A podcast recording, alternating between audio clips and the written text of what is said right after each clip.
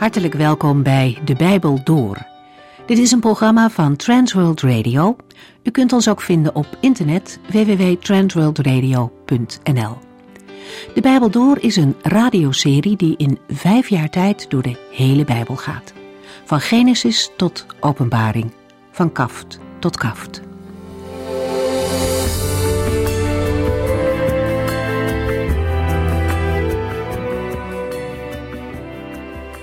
Vandaag lezen we weer verder uit het Bijbelboek Openbaring, hoofdstuk 11, het hoofdstuk over de twee getuigen. Johannes ziet nu niet alleen dingen, maar wordt ook actief betrokken. Hij krijgt een rietstengel waarmee hij de tempel van God moet opmeten, inclusief het altaar. Ook moet hij de mensen tellen die God daar aanbidden. Het plein voor de tempel valt echter buiten zijn opdracht. Dat is prijsgegeven aan ongelovigen. God maakt duidelijk onderscheid tussen de mensen die bij hem horen en degenen die tegen hem zijn. Er is geen vermenging of tussenweg. Openbaring maakt heel duidelijk dat er niet te spotten valt met een heilige God. Drieënhalf jaar lang zullen vreemde volken de heilige stad Jeruzalem vertrappen. Het is een periode van grote verdrukking tijdens de regering van de antichrist. Deze tijd is echter wel beperkt. De macht van de vijandige volken is niet onbegrensd. Vervolgens lezen we over twee getuigen die doen denken aan Mozes en Elia. Zij worden door God gestuurd. Voor een betrouwbaar getuigenis zijn voor de Bijbel minimaal twee getuigen nodig. Er wordt niet gesproken over de inhoud van hun getuigenis. Wel wordt Jezus hun Heer genoemd. Het ligt voor de hand dat deze twee spreken over Christus en over de grote dag van de Heere die dan heel dichtbij is. Deze bijzondere getuigen treden op in dezelfde periode waarin de vreemde volken Jeruzalem bezetten en de gelovigen in Israël onder een zware verdrukking te lijden hebben. Tijdens hun optreden worden de getuigen op bovennatuurlijke wijze beschermd tegen iedereen die hun werk wil dwarsbomen. Ze hebben de macht om plagen op de aarde los te laten, niet alleen ter bescherming van zichzelf, maar ook om hun getuigenis kracht bij te zetten. Als zij klaar zijn met hun getuigenis, worden ze gedood door het beest uit de onderwereld. Het lijkt alsof Gods zaak een nederlaag heeft geleden, maar vandaag zullen we zien dat Hij het laatste woord heeft.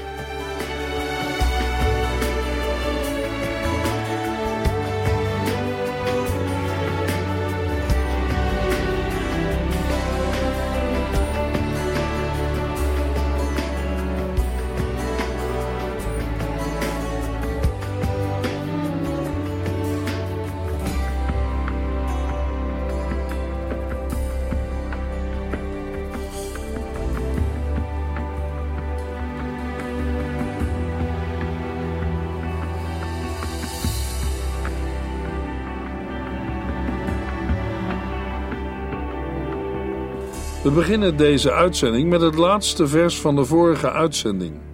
Openbaring 11, vers 10.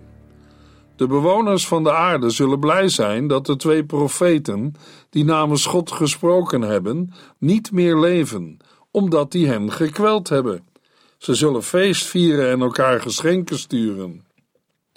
In de vorige uitzending lazen we in Openbaring 11, vers 8 dat het beest uit de afgrond ervoor zorgde dat de twee getuigen uit Openbaring 11, vers 3 stierven. Toen zij klaar waren met hun getuigenis, was er oorlog uitgebroken tussen de twee getuigen en het beest. De twee getuigen werden door het beest vermoord. Hun lijken bleven drie en een halve dag onbegraven op straat liggen. Het feit dat de lijken van de twee getuigen drie en een halve dag onbegraven op straat bleven liggen, is voor hun tegenstanders reden om feest te vieren en elkaar geschenken te sturen. Voor hen zijn de dode lichamen van de twee getuigen het zichtbare bewijs dat er definitief een einde is gekomen aan het optreden en het profetisch getuigenis van de twee getuigen. Nu is er niemand meer die hun van Gods wegen het oordeel aankondigt. De getuigen worden in vers 10 weer aangeduid als profeten. Het is mogelijk dat de woorden de bewoners van de aarde in vers 10 met name slaan op de inwoners van Jeruzalem. In dat geval houden deze woorden opnieuw felle kritiek in. De woorden de bewoners van de aarde hebben in het Bijbelboek Openbaring een zeer negatieve lading. Maar we kunnen de woorden de bewoners van de aarde ook letterlijk opvatten. Dan hebben ze betrekking op degenen die in het vorige vers aangeduid werden als mensen van over de hele wereld, namelijk uit de volken, stammen, rassen en taalgroepen. Er worden drie manieren genoemd waarop de mensen hun blijdschap tonen na de moord op de twee getuigen. We lezen in de Griekse tekst: En zij die op de aarde wonen, zijn blij en verheugd over hen en zullen elkaar geschenken sturen. Eerst lezen we dat ze blij zijn, vervolgens dat ze verheugd zijn en tenslotte dat ze elkaar geschenken sturen. Dit laatste is een wrange omkering van Esther 9, vers 17 tot en met 22, waar we lezen dat de Joden elkaar geschenken sturen omdat ze van de dood waren gered. Hier zijn het de ongelovigen die elkaar juist op deze wijze feliciteren met de dood van Gods dienaren en profeten. In de oudheid was het gebruik om bij bepaalde gelegenheden geschenken uit te wisselen, niet om eenzijdig geschenken te geven. De bewoners van de aarde zullen blij zijn dat de twee profeten die namens God gesproken hebben niet meer leven, omdat die hen gekweld hebben. Bij deze woorden moeten we niet zozeer denken aan innerlijke pijn als gevolg van hun profetische verkondiging, maar aan de door hen uitgedeelde plagen en straffen. Openbaring 11, vers 11. Maar na drieënhalve dag liet God een geest van leven in hen komen en stonden ze weer op. Ieder die dat zag, werd vreselijk bang. De periode van drieënhalve dag, waarin de lijken van de getuigen onbegraven blijven, is al in vers 9 genoemd. Na deze periode neemt de Heer het voor hen op en verandert de spot van hun vijanden in verbijstering. God liet een geest van leven in hen komen en ze stonden weer op. Dat betekent dat ze weer levend worden. Er ligt een duidelijke parallel met de Heer Jezus Christus, die ook na drie dagen weer tot leven kwam. Over het verschil tussen drie en drieënhalf hebben we al gesproken bij de uitleg van Openbaring 11, vers 6. De feitelijke periode die in het Oude Testament vaak met drie is aangegeven, werd in de Joodse overlevering al gelijkgesteld aan drie en een half. Drie en een half is even lang als de oordeelsperiode waarover de profeet Daniel profeteerde. Nu de getuigen weer levend zijn geworden, kunnen zij weer op hun voeten gaan staan. In de Griekse tekst lezen we voor de woorden en ze stonden weer op, de woorden en zij gingen op hun voeten staan. Dit staan heeft geen zelfstandige betekenis, maar heeft tot doel om openlijk zichtbaar te maken dat zij werkelijk weer leven. De woorden ieder die dat zag werd vreselijk bang, geeft aan dat de mensen massaal heel bang worden. Het gaat hier, in tegenstelling tot vers 13, niet om ontzag hebben voor God, maar om het tegenovergestelde van het feest vieren uit vers 10, om grote angst. Net als destijds bij de plagen van Egypte grote ontzetting, schrik en angst de Egyptenaren overviel. Zo gebeurt het ook bij de mensen die de wonderlijke opwekking van de twee getuigen zien. Er is opnieuw sprake van een contrast met het Bijbelboek Esther. In het Bijbelboek Esther doen talloze mensen alsof zij Joden waren, uit angst dat de Joden hun iets zouden aandoen. In de geschiedenis van Esther valt de angst voor de Joden op de andere volken voor de dag van de afrekening, terwijl in Openbaring 11 de angst pas erna komt. Openbaring 11, vers 12. Toen hoorden de twee profeten een luide stem uit de hemel zeggen: Kom hierheen omhoog. Voor de ogen van hun vijanden gingen zij in een wolk naar de hemel. Vers 11 vertelt verder over de wonderlijke verlossing van de twee getuigen. Nadat de Heere hen uit de dood heeft opgewekt, is er een luide stem uit de hemel hoorbaar. Zoals bij meer hemelse stemmen in het Bijbelboek Openbaring, wordt ook hier de spreker niet genoemd, zodat we wel zowel aan de Heere God of Christus als aan een engel kunnen denken. De stem uit de hemel nodigt de twee getuigen uit om omhoog naar de hemel te komen.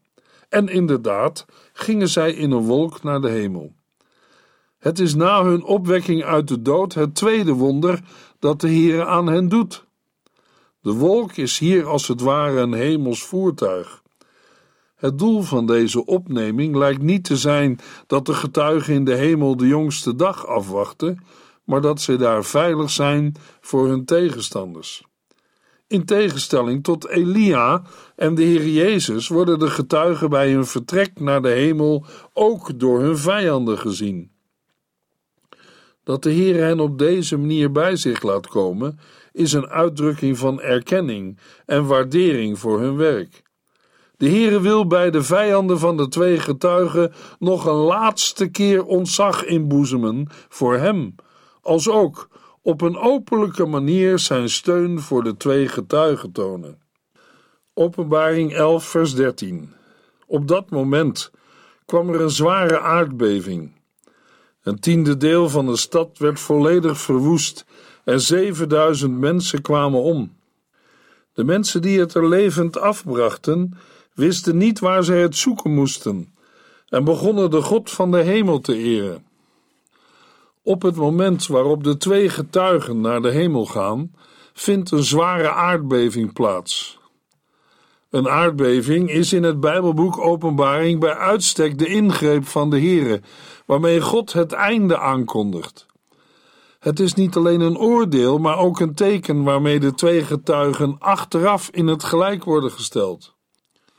Hoewel Johannes de aardbeving zwaar noemt, zijn de gevolgen ervan relatief beperkt. Het onmiddellijke gevolg is dat een tiende deel van Jeruzalem instort. Ten gevolge daarvan komen 7000 mensen om het leven. Elders in de Bijbel duiden een tiende deel en 7000 het deel aan dat behouden wordt, het gelovige overblijfsel of rest. Maar in Openbaring 11, vers 13 is het andersom en zijn juist de mate van verwoesting en het aantal slachtoffers gering.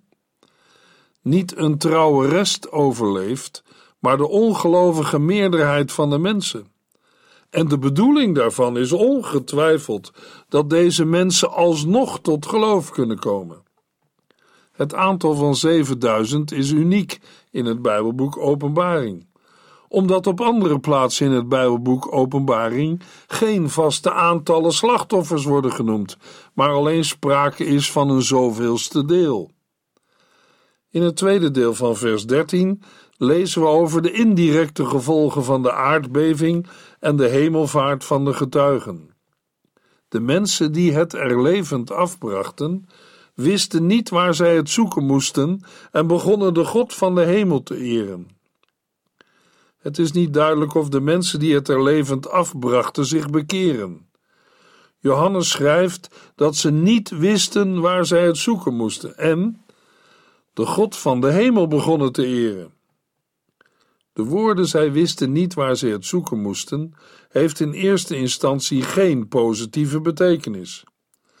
Maar het wordt direct gevolgd door en begonnen de God van de hemel te eren wat op enkele uitzonderingen na wel een teken van echt geloof en echte bekering is.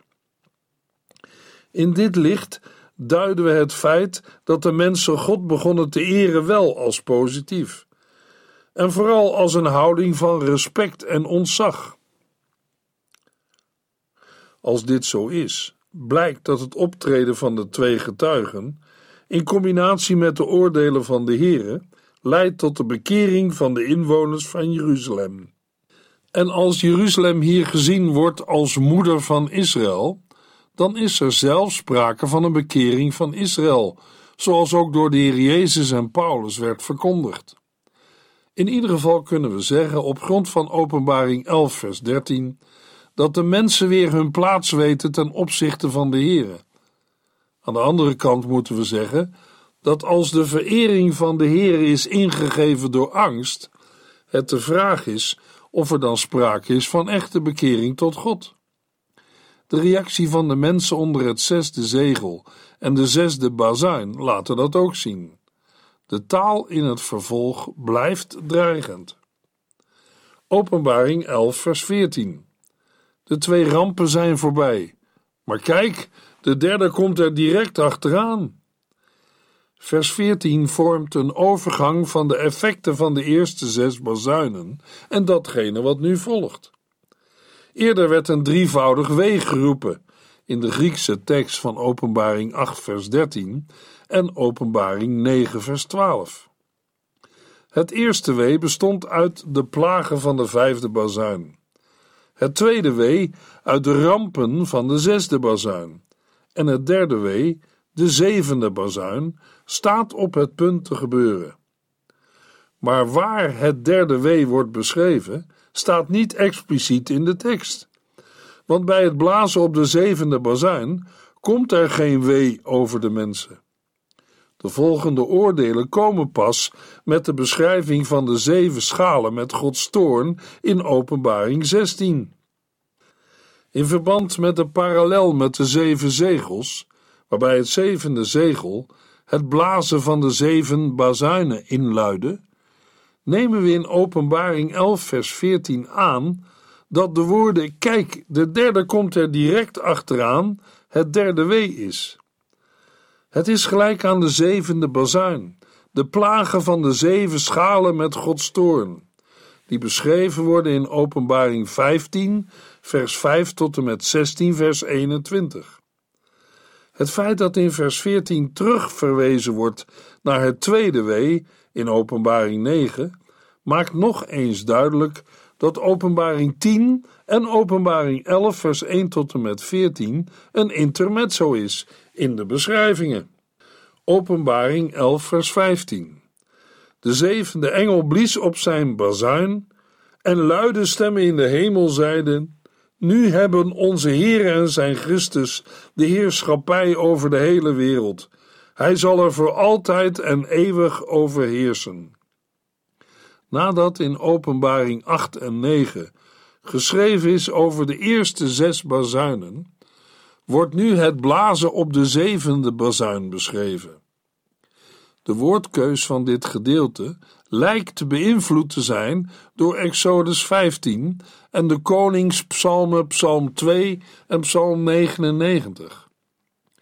Tegen de gewoonte van Johannes in begint dit gedeelte zonder een inleidende zin, zoals ik zag of ik hoorde. Net als bij het openen van het zevende zegel verwacht de hoorder of lezer dat deze zevende bazuin het einde van de wereld aankondigt. Dat gebeurt ook inderdaad, maar de toon van het gedeelte is onverwacht rustig. Dit visioen is niet meer dan een korte aanduiding van het einde van de wereldgeschiedenis. Maar het einde zelf wordt pas uitvoeriger beschreven in Openbaring 19 tot en met 22. Het eerste effect van de bezuin is dat er luide stemmen gehoord worden in de hemel. Wie de sprekers zijn, wordt niet verteld. Dat de stemmen in de hemel te horen zijn, suggereert dat Johannes zich in de geest daar bevindt. De hemelse stemmen proclameren: Nu hebben onze Heere en zijn Christus de heerschappij over de hele wereld. De verleden tijd kan gebruikt worden om iets als een voldongen feit te beschrijven dat in de nabije toekomst gaat gebeuren. In deze wereld is God naar recht de enige echte koning. Maar in de praktijk van het dagelijks leven van nu is er geestelijke strijd en denkt Gods tegenstander ook te kunnen regeren. Het blazen van de zevende bazuin kondigt een verandering van deze situatie aan. De Heere en zijn Christus hebben nu de heerschappij over de hele wereld, over de hemel en de aarde en alles wat onder de aarde is. De woorden zijn een blijde, machtige uitroep bij het einde van de wereldgeschiedenis. Samen met God de Vader is ook God de Zoon, de Heer Jezus Christus, koning. Hij wordt in vers 15 zijn Christus, dat is gezalfde genoemd. De Heere God zal voor altijd en eeuwig heersen. En dat wil zeggen, zijn koningschap zal geen einde hebben. Openbaring 11, vers 16 en 17. De 24 ouderlingen die voor God op hun troon zaten, vielen in aanbidding voor hem neer en zeiden: Heere, Almachtige God, die is en die was, wij danken u dat u de macht in handen hebt genomen en het koningschap hebt aanvaard. Vers 16 vormt de overgang tussen de proclamatie in het vorige vers en de lofprijzing in de versen 17 en 18. De 24 ouderlingen kwamen eerder voor in Openbaring 4, 5 en 7. Zij zijn de hemelse vertegenwoordigers van de christelijke gemeente op aarde. Het feit dat zij niet staan, maar zitten, maakt duidelijk dat zij samen met de Heere God regeren. Want normaal staan degenen die zich in de hemel bevinden. De ouderlingen delen nu al in Gods koningschap, zoals eenmaal alle gelovigen dat zullen doen. Maar de hoge positie van de ouderlingen stelt hen niet gelijk aan God, want zij vielen in aanbidding voor hem neer en aanbaden God. Vers 17 en 18 bevatten de woorden van het loflied van de 24 ouderlingen, die in de vooruitgrijpende aankondiging uit vers 15 met eigen woorden herhalen dat u de macht in handen hebt genomen en het koningschap hebt aanvaard. Hun dankzegging maakt duidelijk dat zij spreken over Gods volmaakte koningschap in de hemel en op aarde. De ouderlingen danken God voor wat hij heeft gedaan en spreken hem daarbij in de eerste plaats aan als Heere Almachtige God. Deze titel van de Heere komt in de tekst van het Bijbelboek Openbaring zevenmaal voor. Vervolgens wordt de Heere Hij die is en die was genoemd. Daarbij is het laatste deel van de vaste formule Hij die komt weggelaten. In plaats van de verwachte woorden Hij die komt, wordt gezegd dat de Heere zijn macht in handen heeft genomen en het koningschap heeft aanvaard. Dat wil niet zeggen dat de Heere God eerder niet regeerde, maar dat zijn gezag op aarde niet overal erkend en niet voor iedereen zichtbaar was. Vanaf nu zal dat wel het geval zijn. Wat al in het Oude Testament werd bezongen, is nu werkelijkheid geworden. Openbaring 11, vers 18. De volken waren slecht, maar nu is uw toorn gekomen. Dit is de tijd om de doden te oordelen, om uw dienaren, de profeten, en alle die bij u horen en ontzag voor u hebben, groot en klein, te belonen, en om alle te verwoesten die van de aarde een woestenij maken. Ook in dit vers bezingen de 24 ouderlingen in de hemel het moment waarop Gods rijk op aarde gekomen is. En ze prijzen hem omdat deze omkeer helemaal zijn werk is. Het hele conflict van de wereldgeschiedenis wordt nu samengevat in de zin: de volken waren slecht, maar nu is uw toorn gekomen.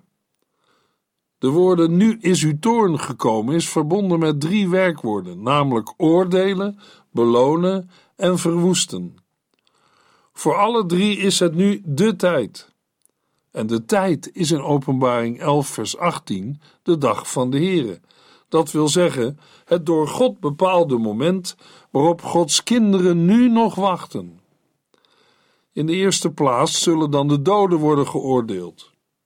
Dit oordeel wordt nader beschreven in Openbaring 20. Het woord oordelen heeft in het Bijbelboek Openbaring meestal betrekking op ongelovigen. Daarom vatten we in Openbaring 11 oordelen op als de algemene aanduiding die vervolgens wordt gesplitst in belonen of loon geven aan de gelovigen en het oordelen of straffen van de goddelozen. Loon of vergelding is op zichzelf een neutraal woord, maar heeft hier betrekking op de beloning die Gods kinderen ontvangen voor hun bijdrage aan Gods zaak op aarde. Degenen die loon ontvangen, worden met drie woorden aangeduid: uw dienaren, de profeten en alle die bij u horen en ontzag voor u hebben. We kunnen bij deze drie woorden denken aan profeten, die vaker in de Bijbel en het Bijbelboek Openbaring apart worden genoemd, en aan gelovige Joden en niet-Joden. De woorden groot en klein is zowel in het Hebreeuws als in het Grieks een bekende uitdrukking die alle gelovigen omvat. De dag van de Here is ook een dag van oordeel. Maar het oordeel van God is niet willekeurig. Want de vijandige machten worden op dezelfde wijze aangepakt als waarop zij de aarde en de mensen, Gods schepping, hebben behandeld. Openbaring 11, vers 19. Gods tempel in de hemel ging open en de ark van zijn verbond met de mensen was te zien. Het bliksemde, rommelde en donderde. Er kwam een aardbeving en een vreselijke hagelbui. Vers 19 vormt de overgang van Openbaring 11, vers 15 tot en met 18 naar het in vers 14 aangekondigde derde wee in Openbaring 15, vers 5 tot en met 16, vers 21. Gods tempel in de hemel, waarvan de aardse tempel met haar eredienst niet meer dan een afbeelding was, ging open. Hetzelfde opengaan gebeurt ook in Openbaring 15, vers 5, waar het de zeven engelen met de zeven schalen met Gods toorn introduceert. Het is een teken van een op handen zijnde goddelijke verschijning. De heftige natuurverschijnselen duiden op Gods grootheid en macht. Net als in het Oude Testament begeleiden deze verschijnselen Gods koninklijke verschijning maar het zijn tegelijk ook tekenen van een naderend oordeel. Maar daarover meer in de volgende uitzending.